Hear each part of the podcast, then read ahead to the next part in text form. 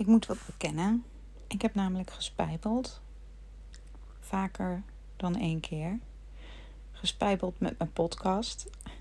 Nu in ieder geval al uh, twee dagen geleden mijn laatste podcast geplaatst. Maar tussendoor zijn er ook wel dagen geweest dat ik even een keer geen podcast heb geplaatst. En de afgelopen dagen merkte ik gewoon echt dat het even helemaal. Dat ik er gewoon echt even helemaal geen zin in had. Het was even hectisch. Um, waar ik ook niet zo zin heb om daarover te praten.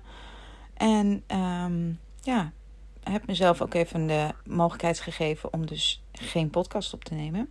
En vandaag wordt de podcast van 1 minuut. En dat maakt het mooi makkelijk. Want dit was puur een bekentenis dat ik dus um, niet elke dag een podcast heb opgenomen. Tot morgen of als ik geen zin heb, overmorgen.